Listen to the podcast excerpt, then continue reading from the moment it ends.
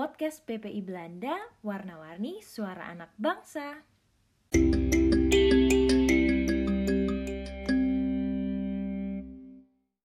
Uh, hari ini kita akan ngebahas tentang uh, semacam pencegahan dan penanggulangan COVID-19 di Indonesia. Nah, bersama saya hari ini sudah ada Mas Iqbal Fahmi. Uh, silahkan diperkenalkan aja deh, Mas. Memperkenalkan diri sendiri. Oh halo selamat sore ya Mbak Vicky. Iya. Uh, perkenalkan nama aku Iqbal Fahmi atau biasanya dipanggil Ikal juga. Aku uh, dokter umum, sekarang kerjanya di Jogja. Mm -hmm. Terus sangat mengikuti, uh, kayaknya uh, conduct research di uh, COVID-19 juga ya? Oh enggak sih, cuma mengamati aja. Oke oke oke. Mengisi waktu luang. Oke. Oke. Uh, aku pertanyaan pertama aku adalah tentang kabar tenaga dan fasilitas kesehatan di Indonesia nih dalam menghadapi COVID-19 gimana? Apakah siap atau gimana nih Mas? Oh ya, untuk sebenarnya untuk uh, secara personal ya untuk tenaga medis di Indonesia itu sebenarnya kondisinya beda-beda ya, mm-hmm. uh, tergantung kita kerjanya di mana. Mm-hmm. Kayak aku sendiri kan sebenarnya dibilang frontliner nggak terlalu di depan soalnya aku klinikku itu lab laboratorium jadi nggak terlalu megang pasien covid secara langsung mm-hmm. tapi kita untuk deteknya aja mm-hmm. kalau untuk tenaga medis yang frontliner itu yang lumayan uh, berat kerjanya kayak teman-teman saya yang di rumah sakit terutama di kota-kota besar yang covidnya banyak ya mm-hmm. itu mulai lelah sejak sejak bulan Maret itu yang masih dua kasus saja itu mereka sudah udah mulai lelah juga uh, loadnya pasiennya udah mulai banyak mm-hmm. dan di awal-awal mereka juga psikisnya mungkin agak uh, ini juga ya tertekan juga karena di awal masih infonya masih gak jelas apa covid atau bukan penanganan mm-hmm. pemerintah juga masih belum jelas di awal-awal seperti itu mm-hmm. lalu untuk kesiapan secara umum kita juga sebenarnya nggak cuma Indonesia sih jadi ada uh, penelitian atau ada publikasi gitu. Sebenarnya seluruh dunia itu nggak siap untuk menghadapi bencana pandemi seperti ini. Iya ya jadi mm, kayak yang sistem kesehatan yang bagus kayak misalnya UK NHS-nya kan bisa dibilang katanya yang terbaik di dunia. Mm-hmm. juga sekarang kita lihat kondisinya juga memprihatinkan juga. Mm-hmm. atau negara-negara Skandinavia terutama yang sekarang yang disorot Swedia ya itu yeah. juga uh, kurang berhasil menangani COVID ini malah negara-negara yang nggak dilihat awalnya kayak misalnya Korea Selatan, New Zealand atau Taiwan, Vietnam bahkan malah malah sukses seperti itu. Oh oke. Okay. Terus mm, yang yang memprihatinkan juga di Indonesia ada ini juga ada publikasi mm-hmm. uh, keluar kalau Uh, korban tenaga medis di Indonesia itu termasuk yang tertinggi juga. Mm-hmm. Jadi kemarin da- ada datanya per tanggal 7 Mei itu kan kita sudah 55 orang yang meninggal dari yeah. tenaga medis.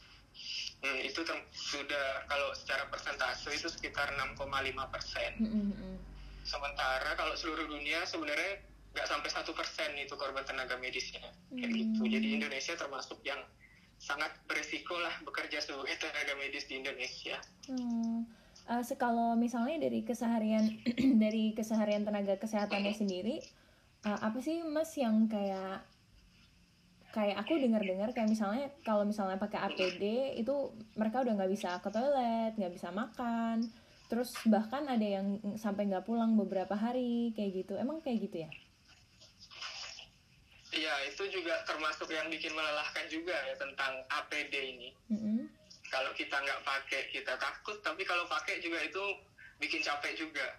Mm-hmm. Kayak kalau aku sendiri di tempatku pakai APD itu kalau cuma untuk rapid test. Jadi di labku ada buka untuk rapid test. Mm-hmm. Nah, yang petugas yang uh, memeriksa rapid test itu harus pakai APD yang lengkap itu yang pakai overall suit, pakai masker, mm-hmm. uh, hazmat kayak gitu.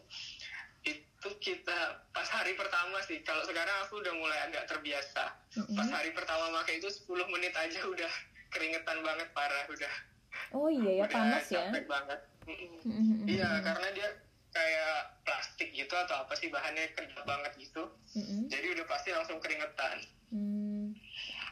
kayak gitu terus kalau untuk eh, untuk makan minumnya juga susah ya jadi kalau terutama kalau kita di tempat fasilitasnya yang terbatas APD-nya jadi ada tuh eh, temen yang APD-nya misalnya masker yang harusnya sekali pakai dicuci sampai dipakai tiga hari atau satu minggu bahkan Wow. nah iya seperti itu Tapi emang Eh, emang masih tetap bisa Hmm? untuk ngelindungin ya kalau sampai dicuci-cuci gitu. Ya harusnya enggak jadi pasti menurun perlindungannya Oh oke. Mm-mm. Tapi paling enggak Soalnya mungkin apa ya? mungkin Ah. pikirnya kayak paling enggak masih cover gitu ya. tertutup tapi ya secara teori fungsionalnya udah menurun sih. Oh oke oke. Uh, terus uh, ada juga kalau untuk yang mau ke toilet itu Mm-hmm. juga jadi lebih repot ya. Sebenarnya bisa aja tapi ya lebih repot. Mm-mm. Apalagi kalau vaskes kita terbatas kan otomatis kalau kita mau makan atau ke toilet paling enggak sarung tangan itu kita ganti, masker kita ganti itu ada juga fasilitas kesehatan yang membatasi itu. Jadi Oh, terpaksa kita oke. tahan supaya APD kita nggak kehabisan kayak gitu. Oh iya sih bener Karena kemarin sempat ada kayak krisis APD juga gitu ya. Iya, sampai Mm-hmm. sekarang sih sepertinya. Terus kalau misalnya ketika menangani COVID kayak gini, eh, teman-teman yang kayak di depan yang harus ngurusin mereka secara langsung, first hand gitu, itu tuh sh- kayak shiftnya apakah lebih panjang mas? Nah, iya itu itu juga berbeda-beda. Jadi ada yang kalau aku sendiri biasanya aku shift 8 jam ya. Mm-mm. Tapi kalau untuk shift waktu kalau bertugas menjaga rapid test itu shiftku jadi cuma 4 jam. Mm-mm. Itu untuk di fasilitas kesehatan tempat aku kerja. Terus teman-teman juga ada yang beda. Ada jadi kan banyak juga ini teman-teman yang sudah sakit tapi tetap harus kerja. Oh, jadi maksudnya tenaga kesehatannya sendiri yang sakit? Iya, misalnya udah ada flu sedikit atau batuk pilek sedikit, tetap terpaksa kerja. Karena kalau dia nggak kerja, ya bubar juga rumah sakitnya siapa yang mau kerja kayak gitu. Oh, ya ampun, Nah, oke ya. oke. Mm-mm. Nah, yang kayak gini ada rumah sakit temen itu tempat dia kerja, cara kerjanya dia shiftnya dua, jadi dibagi dibagi dua tim kayak gitu. Mm-mm. Jadi yang tim perta tim pertama kerja dua minggu, Mm-mm. nanti setelah dua minggu dia libur dua minggu digantiin tim yang kedua Oke, oh gitu. nah dua dua minggu yang waktu dia libur itu dianggapnya itu kita isolasi Oh, oke oke oke. Jadi terpapar isolasi, terpapar isolasi kayak gitu ya. hmm, Oke oke oke. ya itu untuk mensiasatinya kayak Oke. gitu terus sudah banyak juga misalnya rumah sakit yang ngasih mes atau Iya beberapa ya, yang, kamar di rumah yang sakit jadi biar bikin supaya nggak pulang gitu. Mm-mm, supaya nggak pulang Mm-mm. terus ada juga teman yang misalnya aslinya eh, nggak perlu ngekos jadi ngekos supaya nggak ketemu keluarga kayak gitu Oh, oke.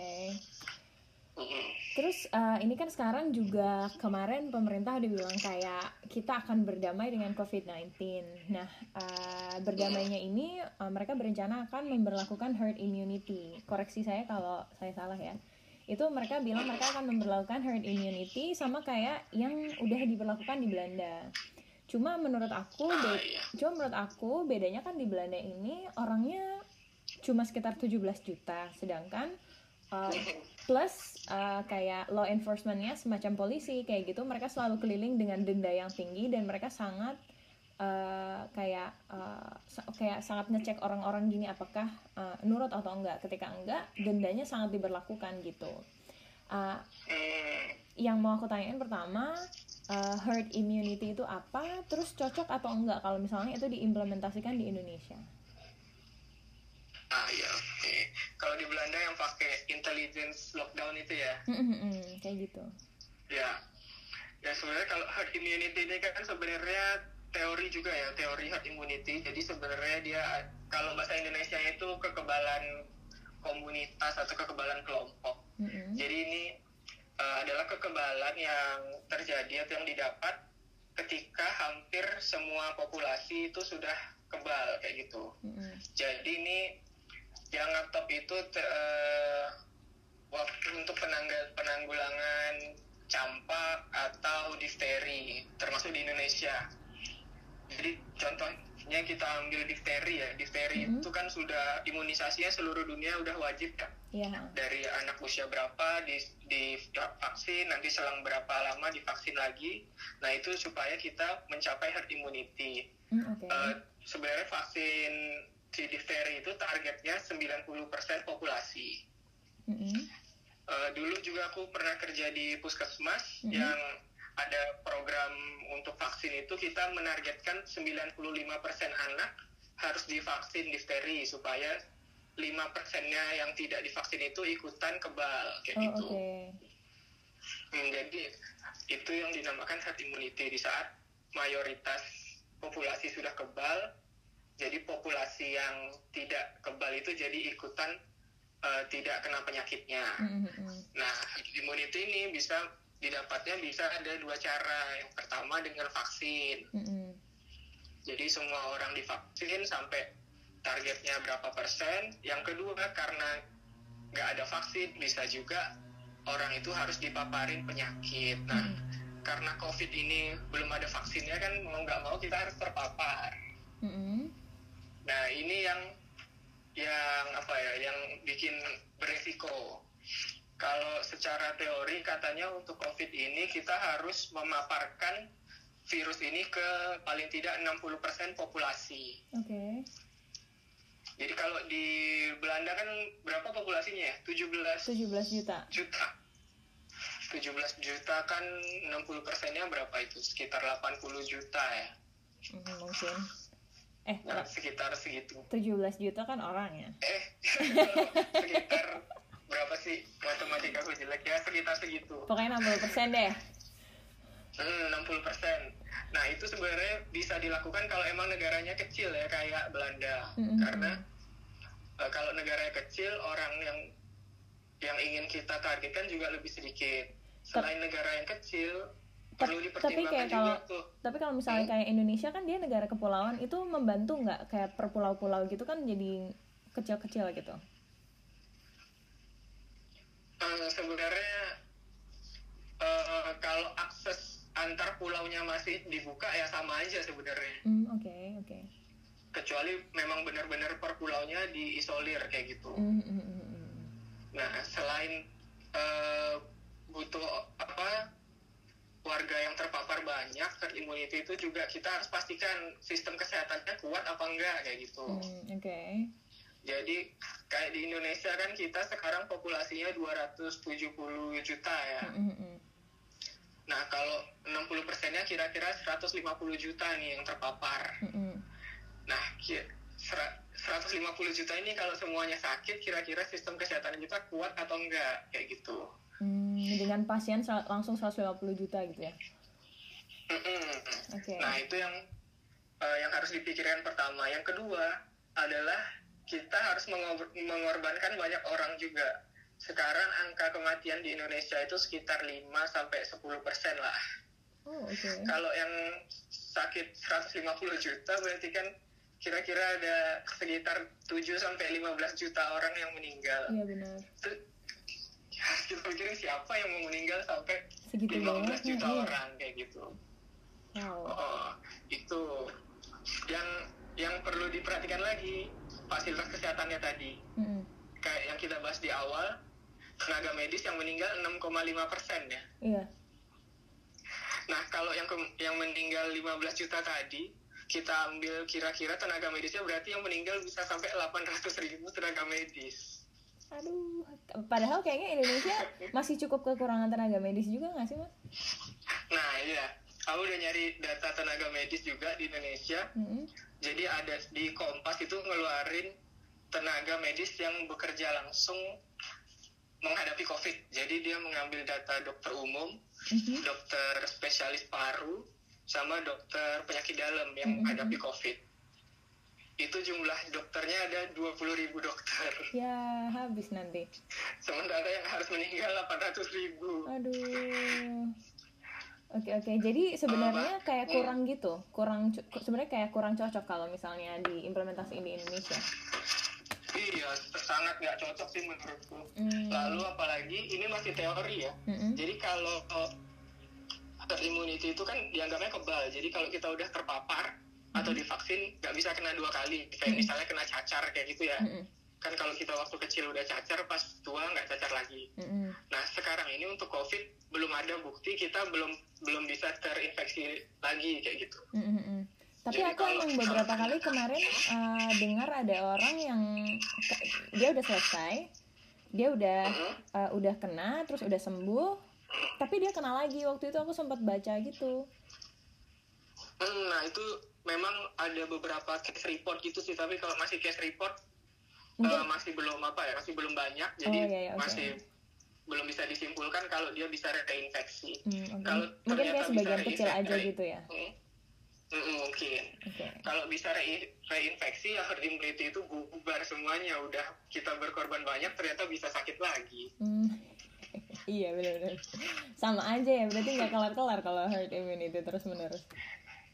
Iya kayak di Itali Itali itu kan eh, totalnya yang kena 205 sekitar 250 ribu Mm-mm. eh, orang ya yang terinfeksi katanya kalau ada penelitian juga di Itali yang tidak terdeteksi itu sebenarnya ada 5 juta kasus di Itali Mm-mm. Nah, sementara untuk herd immunity itu mereka butuh 40 juta kasus. Mm-mm. Jadi, Italia yang udah hancur kayak gitu aja masih belum mencapai herd immunity. Oh, Mau oke. kayak gimana lagi? Sehancur apa lagi sampai herd immunity kayak gitu. Oh, oke oke oke. Mm. Terus kalau misalnya ngomongin tentang vaksin kayak gitu-gitu, kan eh, banyak nih ada golongan-golongan yang nggak mau vaksin karena merasa Ya, eh, nggak tahu isi vaksin itu apa kayak gitu-gitu. Terus itu kan jadi kayak semacam isu konspirasi yang juga akhir-akhir ini udah beredar tentang COVID-19. Bahkan itu sempat di kayak jadi isu yang hangat yang dibicarakan sama beberapa orang yang bukan orang biasa lah, maksudnya kayak cukup dikenal sama beberapa Influencer orang gitu ya. lain. Iya benar. Itu gimana mas? Sebenarnya konspirasi itu kan juga masih teori ya. Jadi bisa benar, bisa enggak. Mm-mm. Kalau kita mau cari tahu, mau nyari info, dengerin gitu aja ya sebenarnya bebas-bebas aja, boleh aja. Kalau mau percaya juga ya boleh-boleh aja. Tapi jangan eh, apa ya, jangan jadi melawan pemerintah kayak gitu loh. Jangan jadi melawan anjuran-anjuran untuk mencegah COVID. Mm-mm. Jadi misalnya, kalaupun ternyata si teori konspirasi itu benar kan katanya ada yang bilang virus ini dibuat, eh, virus ini udah direncanakan kayak gitu-gitu ya. Mm-mm.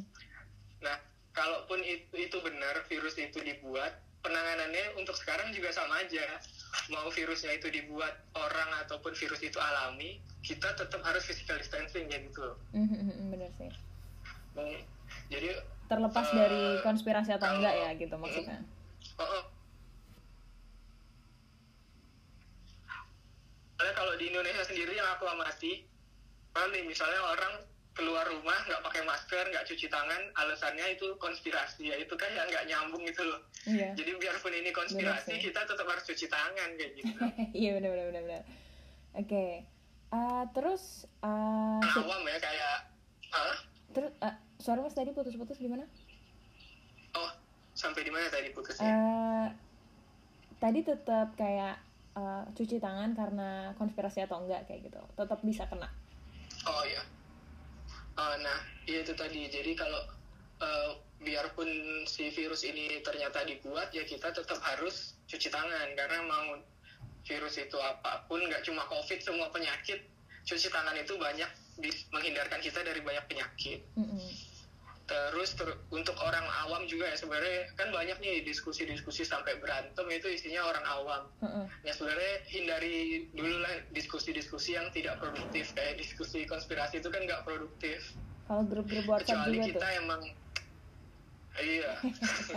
Kecuali kita emang pejabat-pejabat internasional yang bisa berhubungan sama elit-elit itu bolehlah kita diskusi karena kita bisa ngambil solusi. Betul. kalau yang orang awam kayak gitu ya udahlah percaya aja sama pemerintah ikuti anjurannya kayak gitu. Mm-mm-mm-mm. Eh, terus sebenarnya eh, berapa lama kalau kayak waktu yang dibutuhkan sampai virus ini dari virus ini kira-kira sampai mereda lagi tuh butuh berapa lama sih? Kayak kalau misalnya di Belanda ini dia 2 sampai tiga bulan nih. Sekarang mulai udah uh, minggu depan kayak mulai akan dibuka kayak lockdownnya akan dibuka pelan-pelan gitu kalau di Indonesia sendiri gimana nih sedangkan padahal masyarakatnya ada yang ngeyel-ngeyel banget nih tetap keluar demi beli baju lebaran iya iya Nah, di Indonesia ini juga agak sulit ya diprediksinya karena data kita minimal banget. Mm-hmm. Dan kita melakukan tesnya itu masih dikit banget. Kayak sekarang itu per satu juta penduduk kita baru ngetes 900-an orang apa ya. Kalau di Belanda kan kayaknya udah ribuan ya. Mm-hmm. Nah, padahal dari testing itu kita bisa banyak dapat data, termasuk data untuk kita memprediksi kapan uh, virus ini kelar. Mm, okay. Cuma di awal-awal memang emang udah banyak yang buat modeling gitu ya untuk memprediksi uh, kapan selesainya. Kalau dari beberapa sumber yang aku baca, ada yang memprediksi itu sekitar bulan Juni sampai September lah kelarnya di Indonesia. Waduh, oke. Okay. Masih lama. Masih lama. Dan, dan, banyak, uh, dan banyak juga modeling-modeling yang melakukan modelingnya di awal tuh pas bulan Maret, bulan April tuh banyak yang udah memprediksi.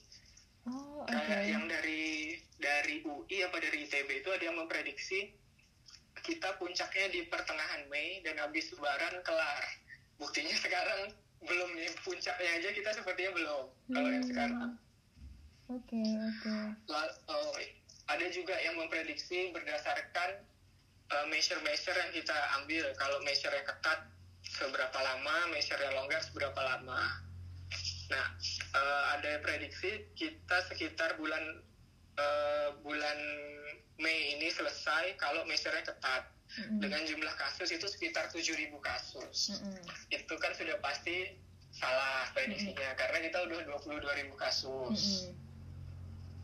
Nah, dari terus dia juga bilang worst case, worst skenario-nya kita selesai sekitar bulan Agustus dengan jumlah kasus sekitar 30-an ribu kasus. Mm-hmm. Nah ini masih bisa terjadi nih mungkin tiga kalau 30 ribu kasus.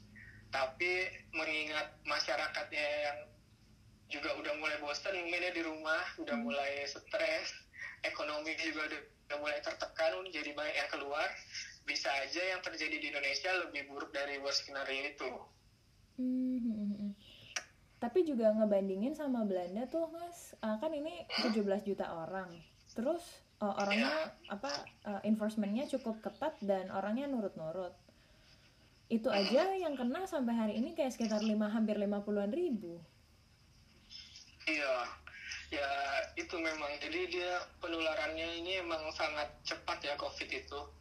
Dan untuk uh, targetnya sekarang udah banyak juga dari publikasi-publikasi mm-hmm. untuk jumlah kasus itu kita tidak bisa menentukan keparahannya dari jumlah kasus. Mm-hmm. karena tiap negara uh, kapasitas testingnya juga nggak terlalu bagus atau berbeda-beda mm-hmm. jadi untuk perbandingan itu sulit kita lebih melihat ke angka kematian sekarang mm-hmm. okay. Jadi, oh, jadi negara mana yang angka kematiannya itu rendah dianggap yang measure-nya yang cukup efektif. Mm, oke. Okay, okay. uh, tapi kayak misalnya uh, ada pengaruh gak sih mas? Kayak aku pernah dengar nih ada tante aku gitu misalnya dia bilang, oh tapi orang Indonesia tuh imunnya kayaknya bagus-bagus kan mereka udah sering kena penyakit kecil-kecil macam-macam gitu. Emang iya ya? uh, itu untuk secara bukti ilmiah belum ada ya sebenarnya. Oh katanya Cuma, doang berarti ya? Iya, mm, malah sebenarnya bisa aja sebaliknya. Karena Indonesia ini kita bisa dibilang namanya double burden untuk kesehatan masyarakatnya. Mm-hmm. Sebagai negara tropis dan negara berkembang, emang Indonesia itu kalau di di kampus kita bilangnya kita mallnya penyakit mm-hmm. infeksi. Jadi semua penyakit infeksi itu ada kalau orang-orang barat ke Indonesia itu senang karena kita bisa nemu semua penyakit di Indonesia nah itu burden yang pertama mm. burden yang kedua di Indonesia penyakit kroniknya juga banyak mm. karena dari lifestyle, makanan, ekonomi juga kita ada yang ekonominya tinggi, makanannya juga nggak dijaga. Akhirnya penyakit kronik di Indonesia tinggi kayak gitu. Hmm, Jadi sih. Indonesia ini penyakit penyakit untuk ekonomi menengah ke bawahnya masih tinggi, penyakit di kalangan ekonomi ke atasnya juga tinggi, jadi double burden kayak gitu. oh oke oke Nah, sementara untuk COVID dia parahnya itu ke orang yang sudah ada penyakit kronik. Jadi ya bisa aja kita juga berat untuk untuk menangani COVID di Indonesia. Hmm, oke oke oke oke. Terus berarti sebenarnya pemerintah harusnya gimana nih mas? Ngelonggarin atau ngetatin atau kayak gimana? Kalau untuk memperlonggar harusnya belum ya, karena berdasarkan data yang sekarang kan ini lagi memang lagi tinggi tingginya nih. Mm-mm. Kita dalam sehari naiknya bisa 500, yang kemarin 900 Mhm. kasus per hari kayak gitu. Dan ini termasuk kalau lihat gambaran grafiknya belum menunjukkan penurunan juga. Jadi ya sebaiknya jangan dilonggarkan.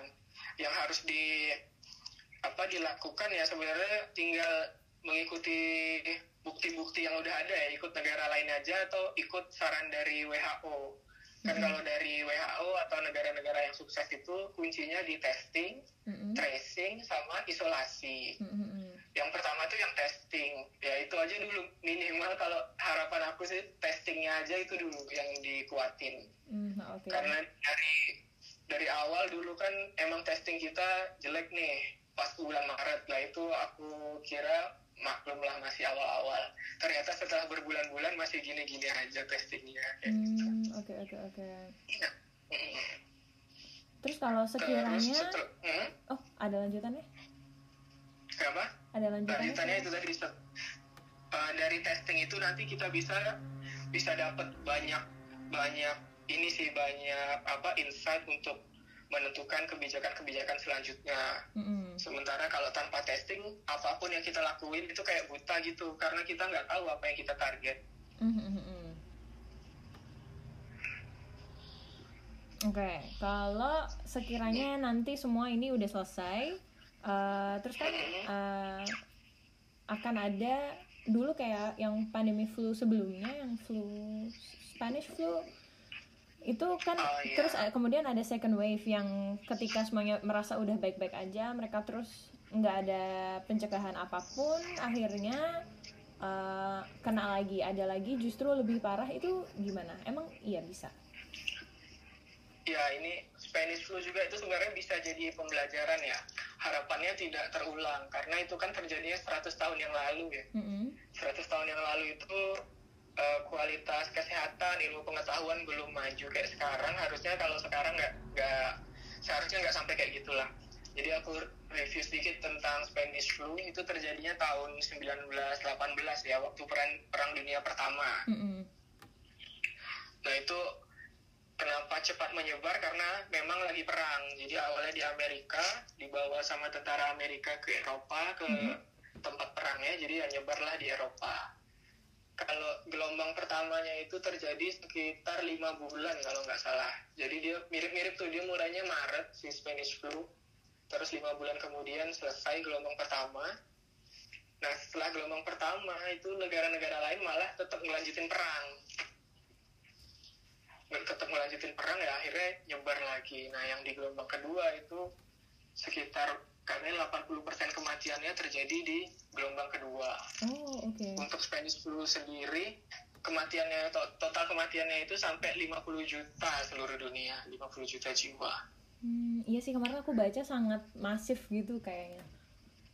iya karena memang lagi perang ya kalau mau dibandingin sama yang sekarang mirip lah kalau kalau sekarang kita banyak mempertimbangkan ekonomi sehingga pembatas pembat- pembatasannya sulit kalau zaman dulu negara-negara lebih mentingin perang Mm-mm. Jadi mereka semua sumber dayanya dipakai untuk perang dan juga ya tadi balik ke ilmu pengetahuan. Zaman dulu belum ada mikroskop tuh untuk melihat virusnya. Jadi ya sangat lambat sih perkembangan untuk pengobatan, vaksin dan lain-lain. Mhm. Kalau sekarang harusnya bisa lebih cepat. Dan kalau kita ngelihat yang dulu itu pelonggarannya, Mhm. jadi si second wave itu terjadi setelah satu bulan setelah pelonggaran. Mm-mm. kayak gitu. Jadi ya kalau kita bandingin sama sekarang ya buat waspada aja bisa aja nanti kita pelonggaran tiba-tiba satu bulan lagi ternyata meningkat. Mm-mm. Hmm, oke. Hmm, kayak gitu. Jadi sebenarnya untuk penanganannya sebenarnya untuk covid ini yang paling penting adalah timing sebenarnya jadi kita udah tahu nih sebenarnya penanganannya kita harus ngapain? Harus lockdown harus psbb harus testing harus segala macem. Harus misalnya kayak flight restriction segala macem. Mm-mm. kita udah tahu cuma timingnya yang sangat sulit untuk menentukan. Soalnya kalau timingnya nggak pas misalnya kayak lockdown kalau kita lakukan di awal kan efektif. Tapi Mhm. kalau ternyata kita laku- laku- lakukan sekarang di Indonesia ya mungkin hasilnya jadi agak kurang efektif. Malah nanti dampak ekonominya besar dampak untuk ke kesehatannya malah nggak terlalu banyak kayak gitu. Hmm, oke. Jadi timing emang penting banget. Oke. Termasuk untuk pelonggaran juga. Kalau dari eh, beberapa negara yang udah sukses Mm-mm. mereka mulai pelonggaran biasanya setelah anjurannya setelah dua minggu itu kasus hariannya menurun. Oh oke oke. Ha-ha. jadi kalau tren kasus hariannya menurun selama dua minggu berarti itu sudah bisa lah mulai pelonggaran secara bertahap Mm-mm. kalau di Indonesia ini masih meningkat terus ya harusnya belum pelonggaran Oh, oke oke oke. Tapi uh, apakah ada kayak cara lain selain kayak herd immunity gitu, Mas? Yang bisa dilakuin ya PSBB itu aja, di rumah aja gitu. Eh, ya itu tadi testing, tracing, dan isolation. Mm-mm. Jadi sebenarnya eh, itu semua kan kita lakukan untuk supaya kita bisa bertahan sampai obat atau vaksinnya ditemuin ya. Mm-mm. Nah, selama vaksin belum ditemuin, yang harus kita lakukan yaitu tadi yang sebenarnya yang kalau kita tes masif ya misalnya kita ngetes nih sampai berapa persen 60 persen populasi Indonesia kita tes Mm-mm. jadi nanti bisa kita buat pemetaan Mm-mm. yang negatif siapa jadi yang negatif bolehlah kita keluar kayak gitu Mm-mm. sementara yang positif semuanya kita isolasi kayak gitu itu pentingnya untuk testing kalau Oke. sekarang kan kita semua orang dibom nih dibom pokoknya semuanya nggak boleh keluar psbb kayak gitu Mm-mm.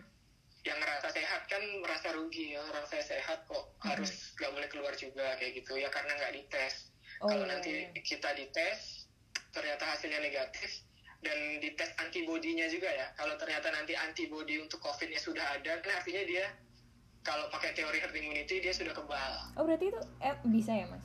Ngecek antibody ke COVID Kenapa? gitu.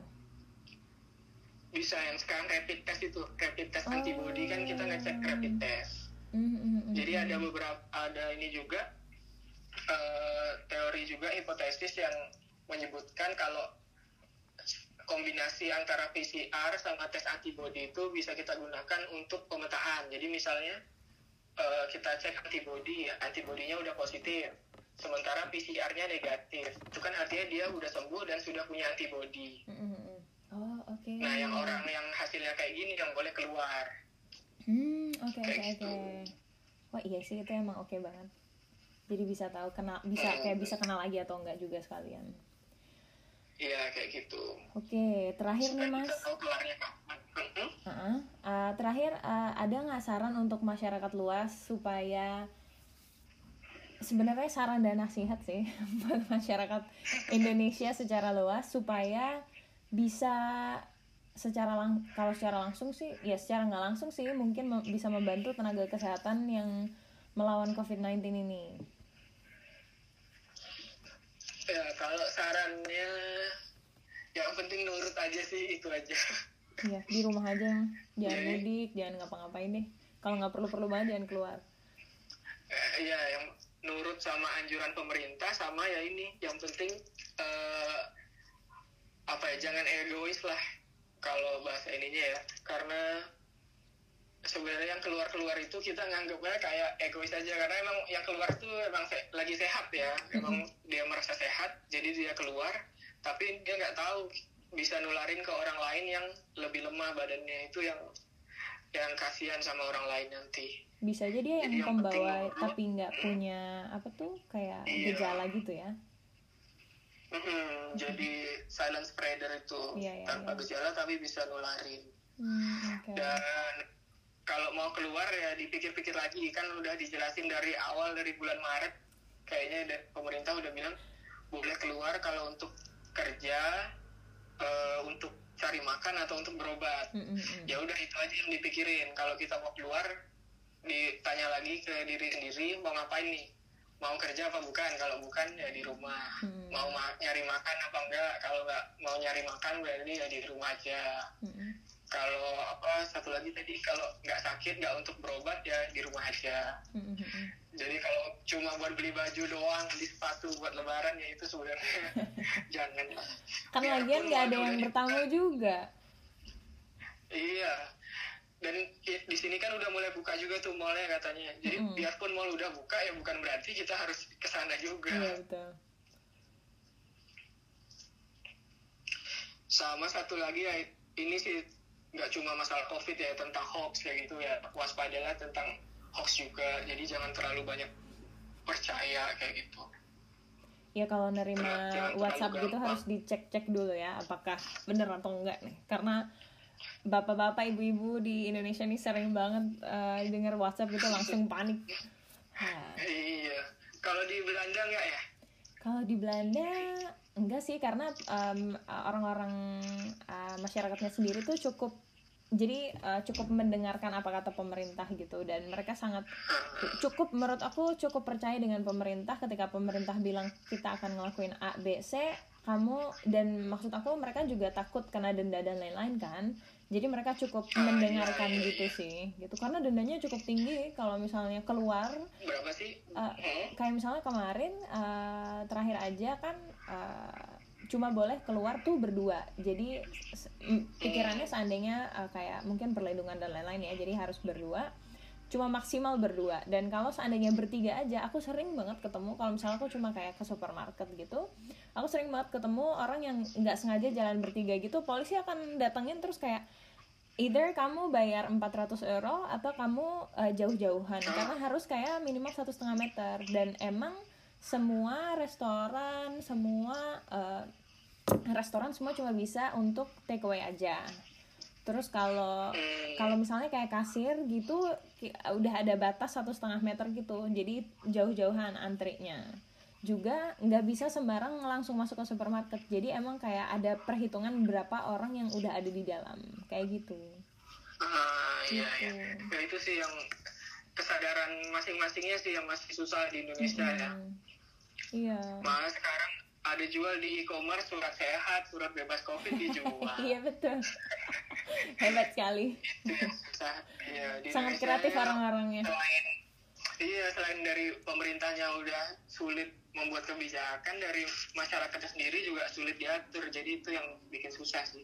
oh iya iya iya oke terima kasih banyak mas Ikal Oke, sama-sama. semoga membantu buat semua yang dengar-dengar deh Ya, oke, siap. Oke, terima kasih. Sampai ketemu lagi.